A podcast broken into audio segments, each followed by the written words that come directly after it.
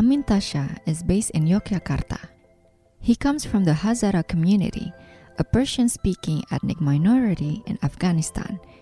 In the 2000, Taasha and his family were forced to flee Bamiyan due to the war and conflict in Afghanistan and relocated to Kabul. Taasha's art draws inspiration from classical miniature painting and Shirazi poet Hafiz.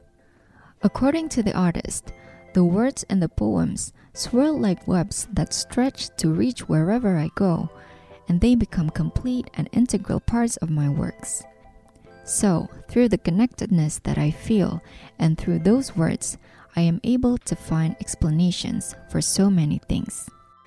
Amin's works, as seen on this 10 painting series called The Heart of Sadness, often combine images and text. It records the realities in Afghanistan through an intertwining of symbols, metaphors, and myths. The horse in his works appears as a symbol for refugees, while the devil symbolizes our tendency to perceive those who are different from us as the enemy. The artist's childhood memories of collecting bullet casings takes forms as the weapons visible in the paintings.